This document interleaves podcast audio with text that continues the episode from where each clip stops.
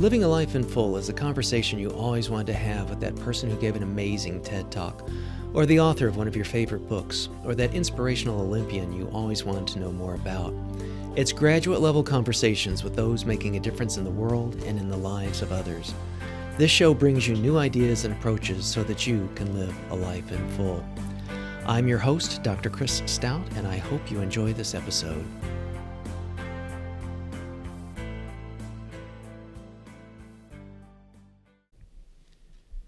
This episode of Living a Life in Full is brought to you by ATI Physical Therapy. If you need physical therapy, choose ATI.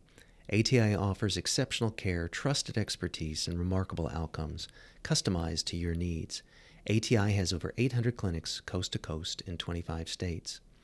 Want to start feeling better fast? ATI can help address chronic pain or recovery from an injury or surgery expertly, quickly, and conveniently.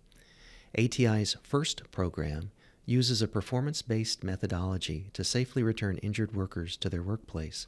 First is designed to increase strength, endurance, and cardiovascular functioning.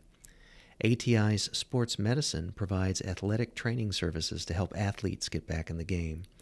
ATI has hundreds of professional, collegiate, high school, middle school, and club relationships nationwide. ATI also offers a variety of specialty services, including home health, hand therapy, and women's health. To learn more about ATI's advances in evidence based practice, clinical outcomes, and their innovative new smartphone app, please visit atipt.com. Welcome to another episode of Living Life in Full. I'm your host, Dr. Chris Stout. I'm very excited today to have Gillian Zoe Segal, an entrepreneur, CNBC contributor, photographer, and author of Getting There, A Book of Mentors, and New York Characters. She was also one of LinkedIn's top voices and is a professional speaker, having spoken at Google, Royal Bank of Canada, LexisNexis, and numerous other venues across North America. Gillian received her BA from the University of Michigan and a law degree from the Benjamin N. Cardozo School of Law at Yeshiva University. Hey, Gillian, welcome to the show. Thank you so much for having me. So it's I'm sure some people have probably seen you on CNBC and, and, are familiar with your books, but I came across you and your most recent book, uh, Getting There in Omaha at the Berkshire Hathaway annual meeting, where you were really rocking the book signing. And, and as we were chatting before the show started, it sounds like that um, went very well. So it's great to have you on the show and and um, good for myself and, and for those who don't know you real well yet to get to know you better. So, and honestly, big fan. Uh, read both of your books and, and really really enjoyed them. Uh, thank you so much. So you're born in Montreal, is that correct?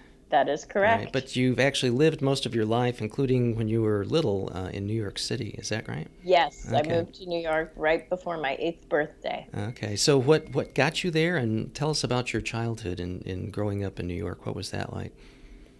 Um, I loved growing up in New York. Uh, kids don't like change, so when my parents told us we were moving from Canada, we all, of course, cried and did not want to do it. Sure. And I remember visiting New York and thinking it's so crowded here because yeah. we were in Midtown. Oh but, uh, gosh. Uh, but actually, living in New York City is different um, than than visiting Midtown, um, and it's just you know there you are never bored here. There's so much to see and learn and do. That's right. I forever.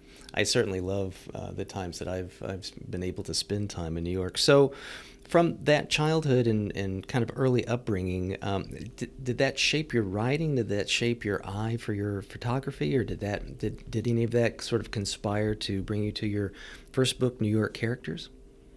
I, th- I think that the biggest thing that shaped me was that my parents were big travelers and they took us on these trips that most parents wouldn't take their children on. Uh-huh. Uh, we would, you know, one year they bought a camper and we were in Morocco and all around Europe in this camper. Nobody slept very well in that camper, but it was wow. it was fun. Um, and another year there was this special. They don't. I don't think they don't have that. They have this anymore. But it was like an around the world plane ticket special. And as long as you kept going in the same directions and went standby, you could just keep going. And we literally traveled around the world. Wow. And um, your whole family. my whole family. How crazy! well, wow. Then, my, my parents have. Um, I have uh, three brothers back then. Uh-huh. I it was I only had two brothers. The okay. other one wasn't born. But uh-huh. um but anyway, we always did it, you know, not in a very um structured way. Mm-hmm. So, you know, if you have to fly standby, you can't be too structured. right. so we'd just sort of show up somewhere and wing it. and I think that gave me a real curiosity and we would just you know let the day flow as it flowed. And if you met people or someone invited you over you would go over to their house and you never knew what was going to happen. And wow. i think that shaped my personality a lot. I bet. Well when you first started to say oh we went camping i'm picking, picturing you know sort of like the proverbial winnebago to to uh, yellowstone or something but not not, not morocco, morocco. yeah, yeah. that's very very cool. So um, getting there, uh, I'm going to kind of skip around between your two books, but getting there is kind of like uh, for for those that haven't read it yet, it's like literally a who's who of the people that you interviewed. But your first book, New York Characters, well, you've got like a lot of superstars and, and notables and celebrities. Um, it's much more eclectic, and you have people that are sort of, I think, maybe iconic perhaps or certainly at least emblematic of kind of the, the the vibe of New York City of the time that you did it how how did you even come up with that idea to to uh, to do New York characters I actually was taking classes at the ICP the International Center of Photography in New York mm-hmm. um, and at that point it was located on Fifth Avenue, 94th Street, and I was living on the west side. And every day I would walk across Central Park to go to school to my class, and um, and I would always pass this guy, and I couldn't figure him out. He he was hanging out at the reservoir, and one day. I would think he looked like a homeless person, and the other day he'd be, you know, yucking it up with, with Upper East Side yuppies. Uh-huh. Um, so I finally found him alone and I said, All right, tell me about yourself. I can't figure you out. And he told me his story. Wow. And he basically was like is like the mayor of the reservoir and he was jogging before anyone else did. He's an immigrant from Puerto Rico. Wow. And he's raised a lot of money and he's you know was an honorary he's dead now but mm-hmm. he was an honorary member of all the running clubs and oh. he was sort of the darling of the running scene um, and i just thought you know this is what makes new york such an amazing city it's the people mm-hmm. and there are all these little subcultures with people who are famous in them so in the running world people knew him and in the art world people know someone else and if you go to the yankees game you know this guy. And so i just decided to explore that and make it into a book. Wow. And stitch all those characters and stitch all those stories together which is which is yes. great. You know it, it, it reminds me i mean do you think it seems like yours is almost like a harbinger for brandon stanton's humans of new york. I mean do you think do you think he was inspired by uh, or informed by new york characters as to what he's done? That i I d- it's a good question, and I have been asked it before, but I don't know. We'll have to find yeah, him out. I'll have to get him on. Yeah, get him on the show and, and see what's what. Because I've I, I've really liked his work and his blog, and then I think he came up with a subsequent uh, book. Um, uh, Humans of New York stories or something like that, where he kind of really then I think um, paralleled the format of your book, where he got you know much more much you know in greater depth um, of kind of you know what's what rather than just cute and snappy little you know taglines on what was in Humans yeah. of New York. So, well, if if he was inspired by by my book, I take it as a big compliment and congratulations to him on running with it and doing such a good job. Yeah, it's it's it's well done. So, but I think certainly it's almost like this this genre, you know, that uh, that you and I, or you, well, and myself too. I'll talk about that in a second. But you and he have really, you know, been a part of. So, I know there's a backstory to getting um, New York characters published. Uh, can you share that with our listeners? Um, yes. So, getting a photography book published is hard. Getting any book published is hard, mm-hmm. but photography books cost more than regular books to produce, but mm-hmm. they don't really sell for that much more. So it's even harder to, to convince a publisher to, to produce your photography book. Um, and when I had this idea, I was just a nobody I still am a nobody, but that's not true.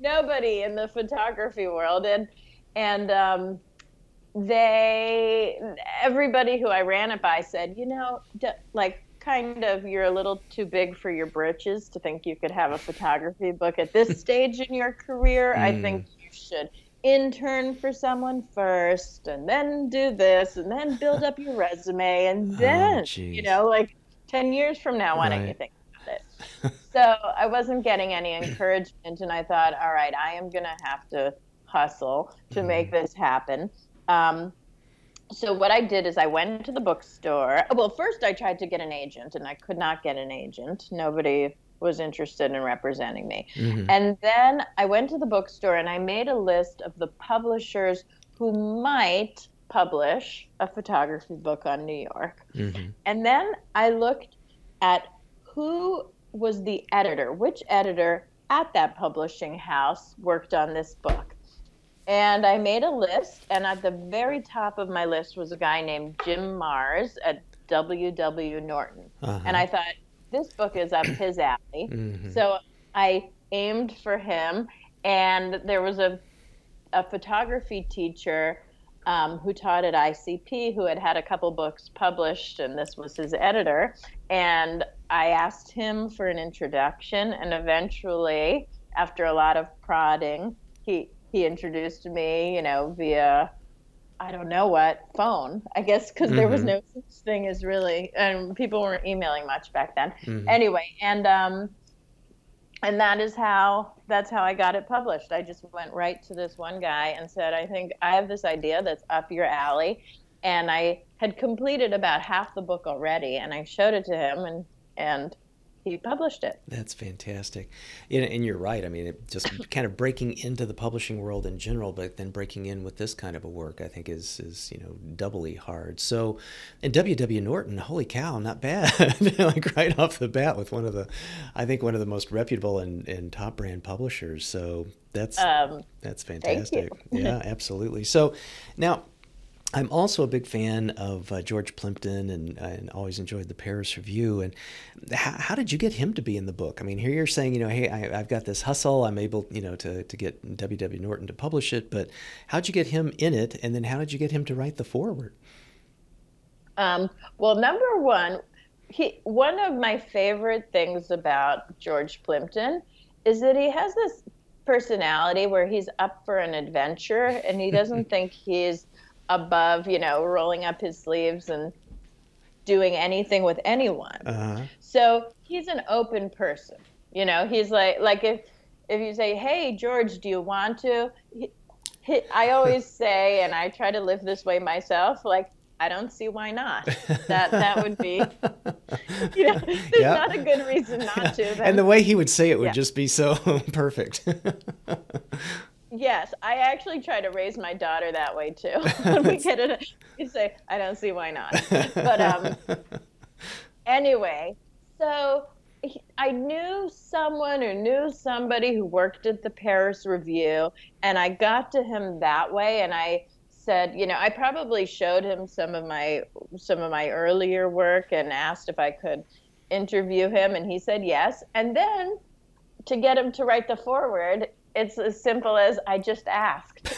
I sent him the, the magic formula. And he was into it. Yeah. Wow. He said yes. Wow. So, but, um, you know, I was very, I was very lucky, and I really admired him, and I couldn't have been happier. Yeah, yeah, and and he's just, I mean, he was just such a a charming guy, and, and the way that he wrote your foreword as well too is just people need to yeah. to check that out. It's awesome. So, um, one of the things that I personally just want to have listeners know about your proceeds, because I know that you wouldn't bring this up, but uh, basically the the proceeds, your proceeds from the sale of New York characters, because of the timing of when the book came out and things, went to the families of the victims of the terrorist attacks of 9/11. So, Gillian, I just think that's very touching, and I think it really kind of also speaks to who you are. That's that's just really fantastic, and bravo to you. So, so I want to shift gears now uh, you you had this reputation for interesting ways of getting book deals. so so getting there was a bit different than uh, W.W. Norton. So uh, tell us tell us about how uh, getting there wound up getting into print. Well, you know it's funny, but it, it, actually it's done really well. The book has been a, a, a big success. Um, so people don't assume this, but the first it was rejected all over at, at first as well. Wow. It, um, and basically, I had um, an agent this time, and the agent shopped it around to everybody who she thought it should be shopped around to, mm-hmm. and it got rejected like all over town. Was this was this before you did it, or or was it already completed?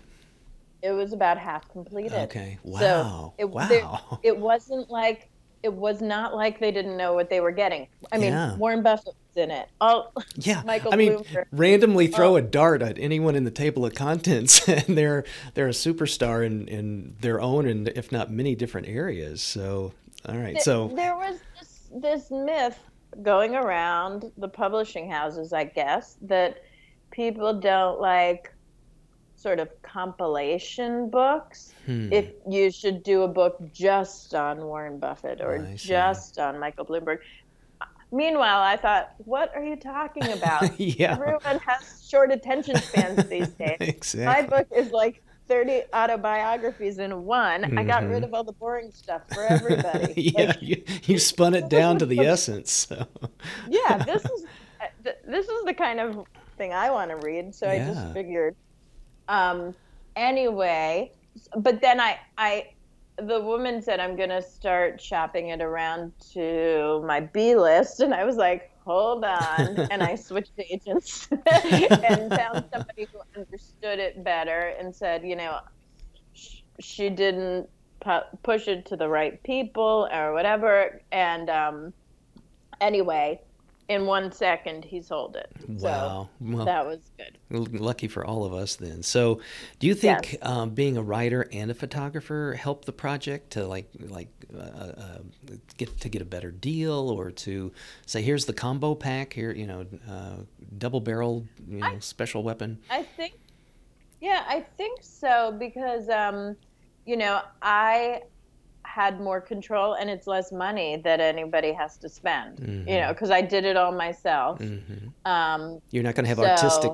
artistic differences you know with being the writer with what the no photographer's artistic doing differences yeah yeah no hiring photographers so i think that helps it and um, you're just dealing with one person. Yeah. Well, and and again, kind of you know thinking about, um, I think you maybe you're you're the person that starts uh, you know amplifying a genre or something. But I've also read uh, Tim Ferriss's books, Tribe of Mentors and Tools of Titans, and his you know, I've read his four hour variations and stuff too, and enjoyed all of them. But his the tribe of mentors and tools of titans were pretty much kind of predicated on his podcast guest interviews. And you know he was spinning down and getting kind of the the essence of theirs or doing some follow-up interviews and things. So uh, so that's how he got his folks in his. But how did you go about selecting the the top 30 that you did for getting there um, well, basically, I wanted to have a diverse group of people from a broad range of fields. So I have, you know, people like Michael Bloomberg and Warren Buffett, and then I have even a performance artist, Marina Abramovic, and the amazing. woman who invented Spanx, and mm-hmm. everybody in between. Um, you know, a mm-hmm. chef, musician. So, um, I, but I wanted them to be people I admired um, and and then I had to like narrow it down by the people who would have me, you know, the people who would agree. So well, that I, helps. I did um, I did a, a, three volume book set some years ago called The New Humanitarians, and my goal back then was to kind of like talk to um, folks that had developed kind of in the humanitarian space, which is an area that I work in, kind of new innovative approaches, and they're really kind of you know boots on the ground, roll up the sleeves, you know, kinds of folks, and and each chapter is devoted to um, each organization or or whatever, and we would interview. I had graduate students to help out, and that's you could do three, you know, forty five chapters, but we. Um, the the folks I tapped were folks that I kind of knew or I'd already worked with, and that kind of made it a little bit easier. But how did how did you go about reaching out to folks like you know that are very hard to get a hold of, like a Bloomberg or a Buffett or a, a whoever else? You know, how did how did you connect with them? Is it a Kevin Bacon kind of thing, or how how did that work? that was the hardest part. And working on this book took me five years. Jeepers. And Wow. most of that time was spent hounding these celebrities, well, how do you what's chasing them. what's the tipping point between you know like like driving someone nuts and, and stalking them versus you know saying okay I'll do it Gillian kind of a thing. There's a tipping point, and and I actually have written an article on how I got everybody to to be in this. It's Uh-huh. in Fortune and other, and some other places, Okay. but um, but I think that there is one aspect of it that's like a monitor Mhm. that you can have that you know like how people have monitors in social situations for how far you can push things or Mhm. and I do think that there's something where either you kind of have that monitor or you don't.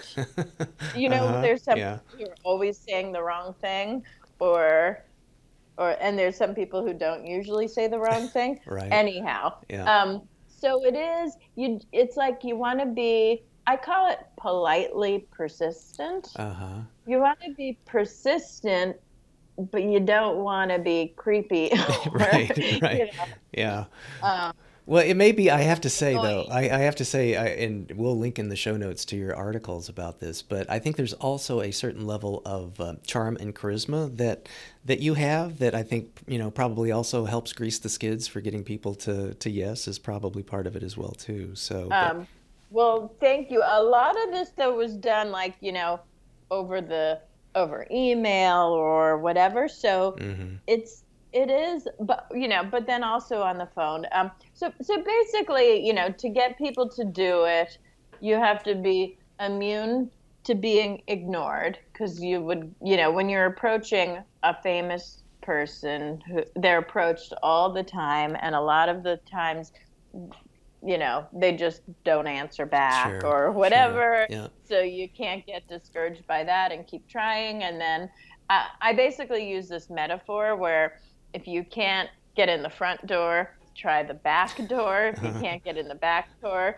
try try climbing in a window and if you can't climb in the window wait a while and try the front door again um, so unless unless I got like a real hard no, Mhm. um, I would keep going That's and good. and sort of ask again, but not like um, not like a machine gun. Yeah. Wait a little between and then check in again or whatever. I remember you Um, wrote in um, New York Characters about your, you know, you, you finally got to Spike Lee. He was, it sounded like he was probably probably your most challenging. Who was the hardest to get on board with um, uh, with the new book? It was actually the architect Frank Gehry. No kidding. Um, yeah, it was he. I got rejected by. I think I got. I they said yes on the fifth time, but they gave me not. They gave me actual no's, but I didn't really take the no's so seriously because um, it was like I was writing to info at Frank Gehry, whatever. You know, Mhm, like sure. I didn't really have anyone to deal with, and so I would just send the request to the email on his um, on his website, Mhm. and they would say no, he's he's can't do this right now or something like that. Mhm. And right now, I'm like, I'll take that literally. Maybe he could another time. Uh-huh, right. Or, yeah. um, so so that's probably why I kept going. And and then um, and then one day miraculously somebody wrote back and I think it must have been a new assistant that day or something. She wrote back and and I latched onto her and I didn't let go. Oh. And I said, "Oh my God, somebody like, you know." She so, so I sent them my book, my first book, and I I got on it. And then he proceeded to cancel on me for a year and a half. Oh. Oh, wow. Oh, man. And you are persistent. In that time, he changed assistants a bunch of times, Oh. and I had to keep proving to each new person that I had once received a yes. Uh, You know, the woman who worked there before you, like she did say yes, and so I'm just trying to schedule this, and I could, sh- and I'd have to forward the, old emails to emails. Oh. You are so Anyway. organized. Holy cow, that's great. Yeah. Well, well, then I, I, I have to counterbalance this. Who was the easiest?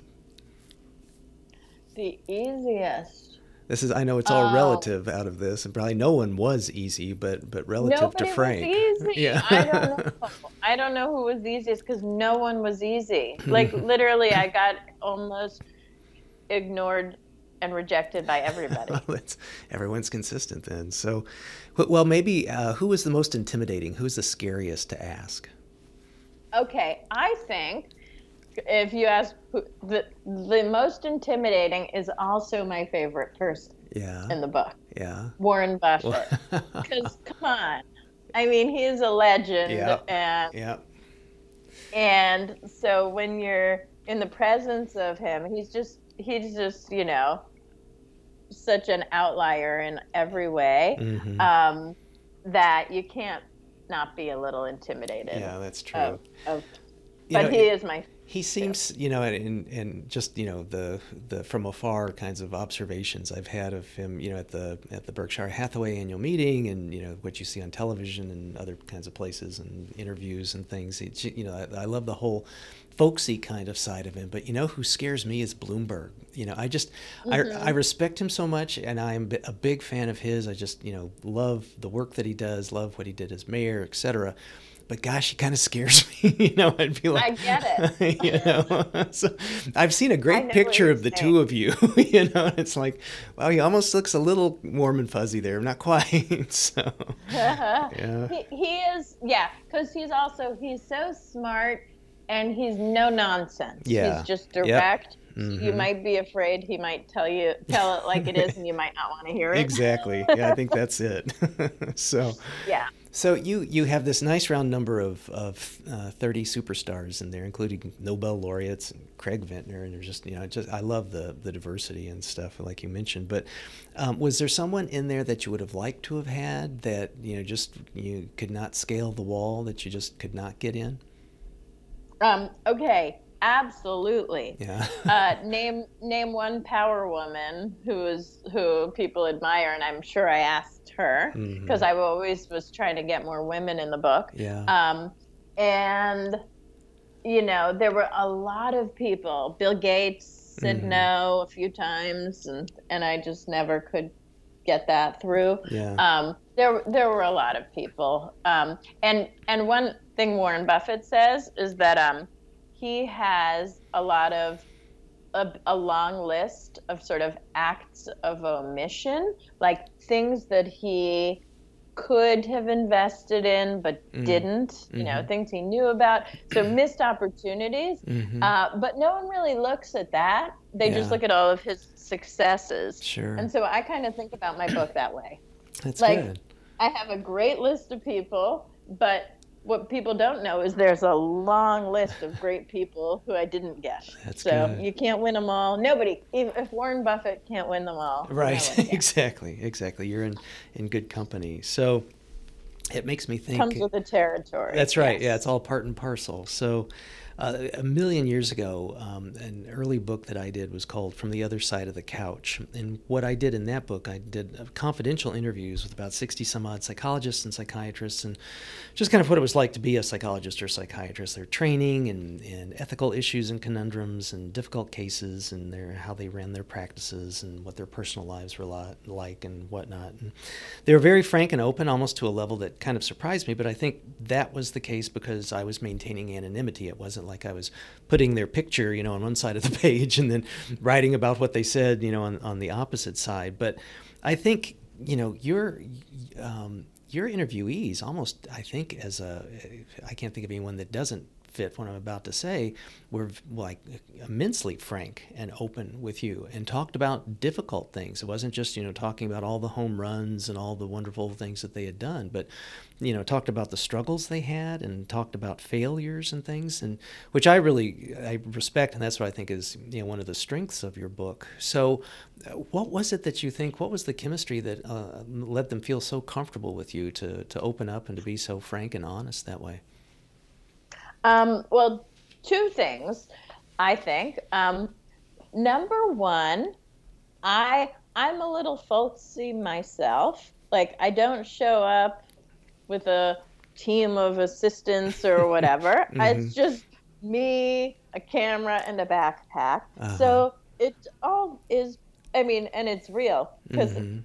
you know it just seems pretty casual. Yeah. So it's not like, yeah, it's not an intimidating setting, even though I'm not the one dictating the setting. But my part of it is not very fancy. hmm Um, No entourage, no uh, special No, lighting setups, no. and getting No, getting you a latte or something. it's literally me with a backpack. That's It is cool. always, and I'm not even just saying a backpack. It's a backpack. That's that is very Because- cool. That's you. That is you. because I have my camera equipment in it. It's like a Mhm. camera backpack. hmm Um, so so there's that. Um, so the scene isn't very, and you know, it, it's casual. And number two, the book that I was doing, getting there, it's a. Um, actually, I'm going to add a three after this, but um, it it's a celebration of these people who are in it and what they have to offer to help others, you know, to tell their stories in a real way. So I Mhm. explained that about what the book is about and how it would be inspiring for people to hear these stories, people who are somewhere, you know, along the way in their career. hmm And um, I also said to them, "I'll, I will," and I didn't do this in the beginning, but I, but I realized, you know, as I was working on it, that I should do it. I said, "I will give you the the essay from this interview, and you can change anything you want after. So just talk, like Nice. talk, and I won't publish anything without making sure you're happy with it. Mhm. And and before I published the book, I sent everybody their essay and said, "Here it is. I just want to make sure that you still stand behind everything you said and that you're happy with how you came across. Let me know if you want to add or change or delete anything." Nice. Nice. Um, and the other thing is, I knew what I was after, which was like real stories and shared experiences. So sometimes I was really surprised myself with how much they were sharing. hmm But I, I didn't give up. So if somebody said something that sounded interesting, I would sort of push it. I kept at them, like hmm explain that, or could you tell me a little more about how you were feeling about that or this or what was I, I kind of forced them to get a little deeper than maybe they would have on their own. That's good. Well, they must have felt, I mean, you know, I think maybe a consistent thread throughout the whole process from from ask to doing it to essay and, and review was maintaining a level of trust. You know, I think at any any hiccup, any juncture at any one of those things, you know, the the interview would have been off. So that's I think that's that's wonderful. So um, you know what else? Even though I am I am a lawyer, yeah. I didn't have anyone sign anything. oh. I just it was very casual. I just because I figured, listen, I am not gonna want to get into a legal battle with any of these people. right, no kidding. I'm gonna lose. so it's just like I'm not gonna cause any problems Yeah. here. Well, there certainly is a, uh, a tacit approval of the fact that they've they've reviewed it and they, they've let you into their offices Yeah. or lives and, and photograph them. You know, there's nothing sort of sneaky about it. So full No, full and also the- sending them the stuff over email and them saying Yeah. okay is over email. So exactly. that, that is That's a record. But yeah, yep, that's right. That's right. So, um, like like I said, you know, they they were very honest. You set a very you know kind of trust and, and comfortable uh, level of, of communication. Um, a lot of the the individuals had some pretty difficult beginnings. Could you share a few of the stories that are standouts for you that that maybe you know you didn't know about until you had that time with them? Um, well, John Paul DeJoria is the first person who came to mind. Um, Mm-hmm. He is the founder of Patron, you know, the Mhm. tequila. tequila, Mm-hmm. and John Paul Mitchell Hair Systems, and, Mhm. and a bunch of other companies. Um, he talks about humble beginnings where his family was living on food stamps, and he remembers a time when it was just his mother and him and a, a brother, and between the three of them, they had five cents. Like they, it was that bad. And then he grew up, and he he um, lived in his car and got fired from like four or five jobs, and anyway, and now he's worth Mhm. billions. Yeah. So Yeah. uh, the there's a lot of of stories. Um, Frank Gehry, the architect, was on the verge of bankruptcy for years. Mm-hmm. Um, Jeff Koons, who's one of the most successful living artists, mm. he, probably the most. Um, he it took him nine years till he could live off his art. Like after graduating from art school, wow. it took him that long to to make mon- make enough money from his art so that he didn't have to have a second job. Mm. He was mm. doing a bunch of different things. And and Sara Blakely, what she was like a door to door fax salesperson or something, selling fax machines door to door. Golly. John Paul DeJoria, he he um sold encyclopedias door to door for years. Wow. wow. I guess maybe part of it is just that that that grit or gumption, you know, to just kind of keep at things and saying, okay, I don't want to be the world's best, you know, encyclopedia or fax salesperson, but you know, that that taking certain kinds of skills and certain kinds of fed being fed up with what's going on to then make the yes. shift into what made the difference. So, with with the five years that you mentioned to take this, was it by virtue of the fact that it just kind of took that long to get to the yeses and to get yourself insinuated into people's schedules and and all that? Yes. Wow. Good for you. yes. Good for us that you didn't because it, it's we can all benefit from that. But golly, that's that. It, it got to be embarrassing because people would be like, "Well, how about that book?" And I'm not even talking about my friends it would be like Warren Buffett being like, "What's going on with that book?" And oh gosh, and that's worse than your publisher. yeah, I know. I I was like, I would rather have an you know turn out an A eventually than. Yeah. Than a B quickly. yeah. So good for you. The, the book, yeah, once it's published, there it is. Mm-hmm. So no one, you know, whether it took me three years or five years. Yeah. I'd rather get an. That's right. Well, I think I think you've achieved that. So, were there anything? I know you did your research in in backgrounding and stuff with some of these folks, and some are very public people, and some are not so you know public in in the the necessarily their availability of of biographical material. But anything that came as a surprise to you when you were spending time with with any of your interviewees?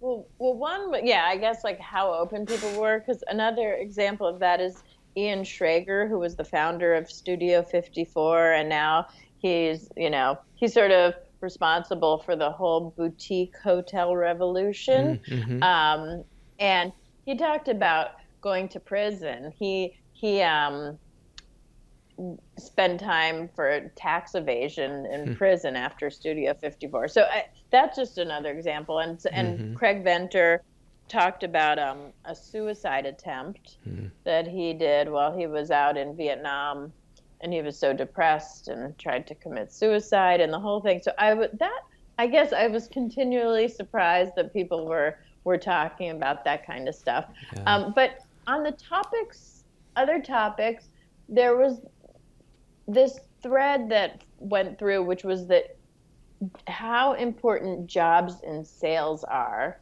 hmm. to people's ultimate success. Hmm. Um, and I already did speak about two examples Sara Blakely selling fax machines door to door, and John Paul DeJoria selling encyclopedias door to door. Uh-huh. But I think uh, one of the most important, you know, aspects of a person's success is their resilience. Mm-hmm. And a good way to train yourself to be resilient is to be in sales because you will get rejected, rejected, rejected, rejected, and you have to be as bright eyed and bushy tailed, you know, at the 10th time you try and sell whatever you're selling yeah. as you were at the first, or else you're not going to make a sale if you sound depressed about what you're selling or right. down on it. Or, that's, that's really um, a good point.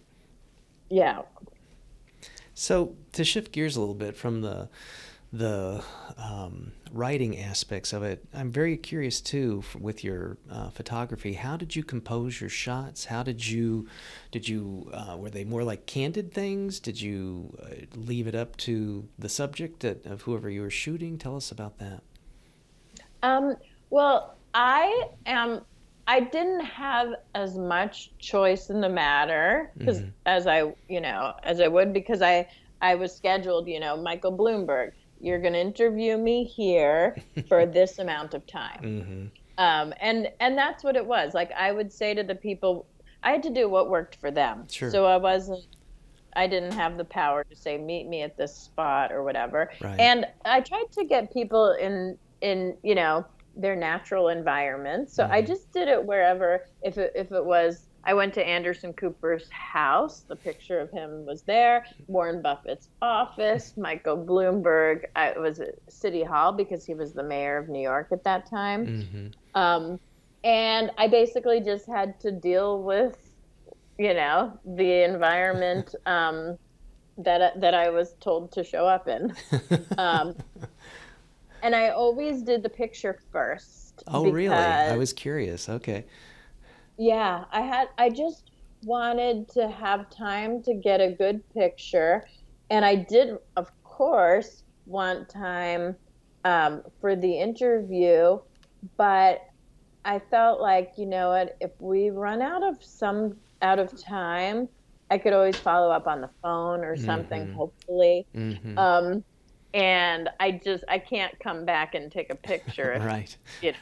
That's really good. But the practicality of that, that's good. That's good. And yeah, so I tried to do it as quick as I could, and you know, with knowing that I got a good shot. Mhm. Um, and and I- actually, Warren Buffett, um, his secretary, always tells me that I ruined it for all of the other people, um, because a lot of people want to photograph him, Right. and they say they need like a couple hours or whatever.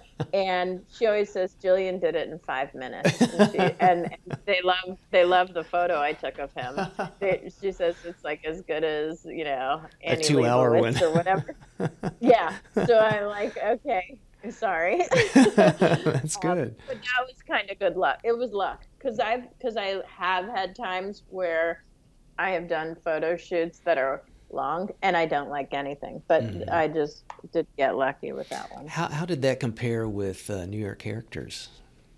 The pho- the photography. New part? York characters, a lot of the people, there were some people. It's sort of the same thing where I Mhm. had to take what I what I could get. Mhm. Um, but, but, and there were some famous people in New York characters, like, you know, Ed Koch, the old Mhm. mayor, and Spike Lee, and Right. John McEnroe, tennis player. There Mhm. were people. But I seemed to get a little more time with those people Mm. um, back, you know. So, Mhm. so I think I had a lot of the people in New York characters I spent a lot more time with Mhm. than you know, like some of them I spent the day with or Yeah. whatever. Well, it and seemed it, around. From my untrained eye, it seemed like those might have been a, a tad bit more um, candid, you know, kinds of things. I mean, some just look so, you know, spontaneous and stuff versus, you know, the context of getting there. And, and Yes. why the choice Yeah. between black and white and color between the two books? Well, it was a different time. So, but when I did um, New York characters, I was doing a lot of black and white because I was, you know, working in dark rooms and hmm and, and learning that craft. And so that that's what i was into back then. And now i use digital. Yeah, yeah. um, and so you know i just I, it's just the times have changed and it's sort of what i what i'm into at the at the time It's funny. It just it seems to me like it would have like it, the black and white was so fitting. You know, I don't know why I feel that way, but it just I, I don't know. It's just a gut kind of thing. It just really Yeah. felt like those those characters and and, and aptly named book. Um, I don't know. There's just something about the the the, the and and they're not that they're grainy or gritty because they're not, but just the, the the contrast and the black and white I felt really you know played out well and would have been not it wouldn't have worked in um, getting there. So that's that, Yeah, that's I fascinating. agree. Yeah, that's fascinating. So. I have to say you've you've had the benefit that very few people in the world have of being able to kind of go deep with you know a, a Q&A with some of the you know the, the who's who of, of successful people. Did you change as a result? Did, did did you find yourself doing anything different? Did you feel like they had sort of by proxy mentored you or given you advice or giving the world advice, giving you advice? i would say absolutely like i i got so much great information from these people and so many inspirational pieces of advice and tidbits and everything. I think about it absolutely mm-hmm. multiple times a day. um, so yeah, I I think this. I think that the best way to be inspired is um, not just to hear a lesson. Like if you hear a lesson, like don't be afraid of failure. Mm-hmm. It sort of goes in one ear and out the other. Mm-hmm. But if you hear that same lesson attached to a story that means something to you, you'll remember mm-hmm. that. So mm-hmm. when I think about failure, I think about how it was so hard for Sara Blakely to even get a company to make her Spanx prototype. Hmm. she was rejected by all the ones she went to. Then she had to show up on their doorstep and ask them, and they all rejected her. And Then one person called her back and said, "Fine, I'll make the prototype for your crazy idea." you know, so.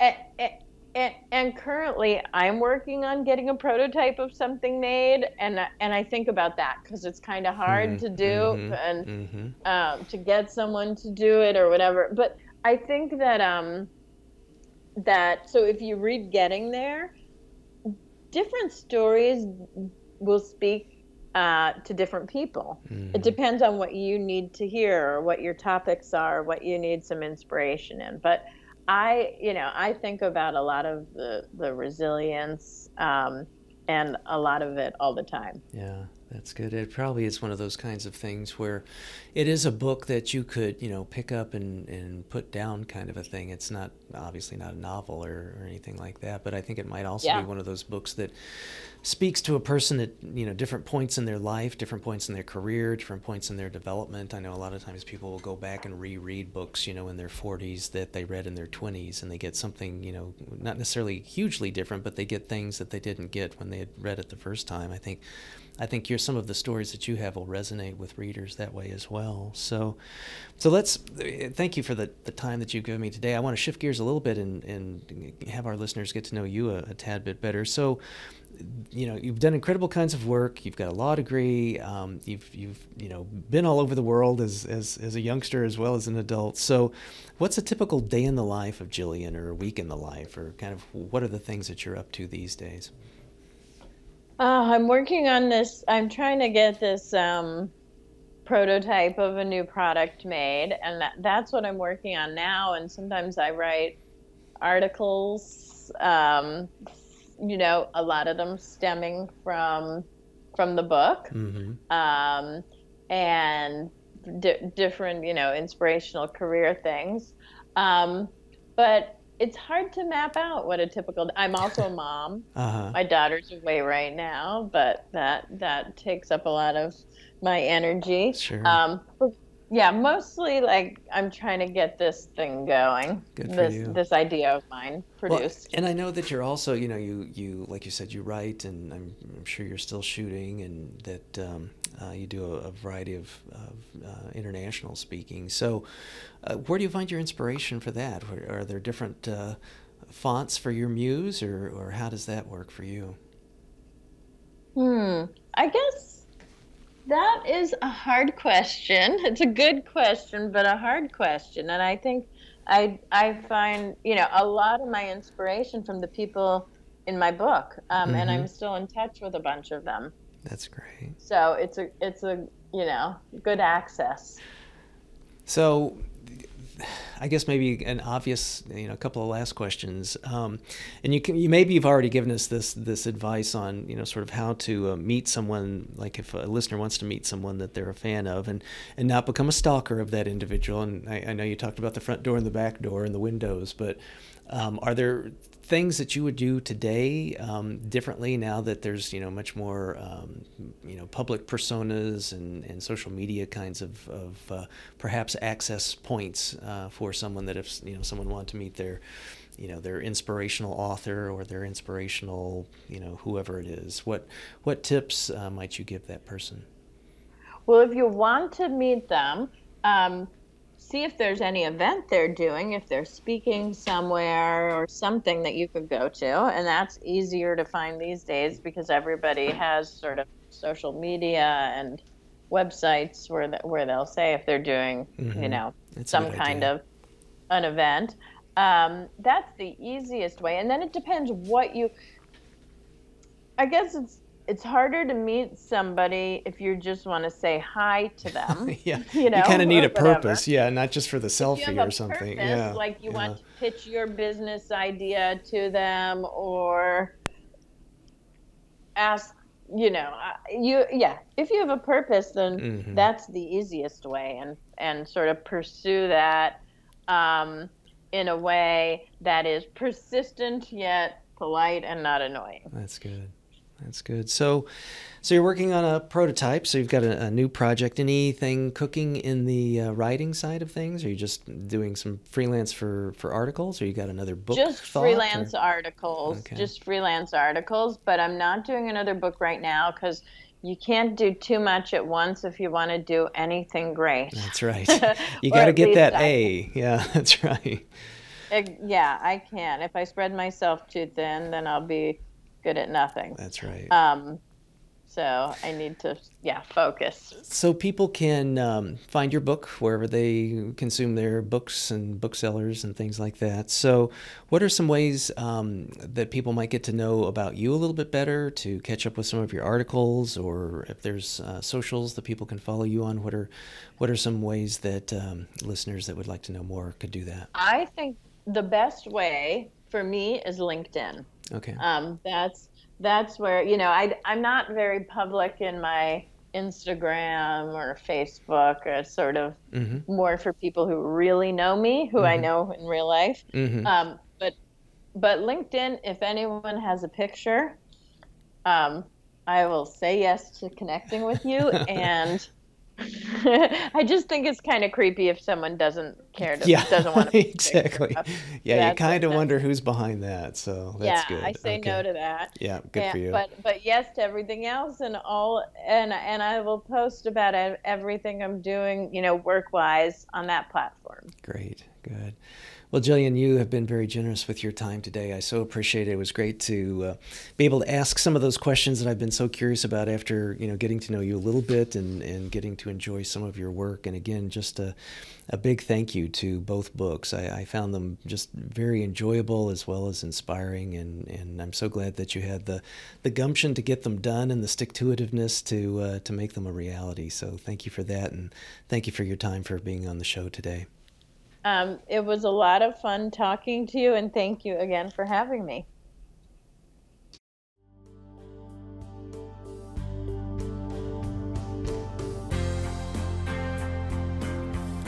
Living a Life in Full is a production of Stout Media, a subsidiary of Gordian Knot LLC.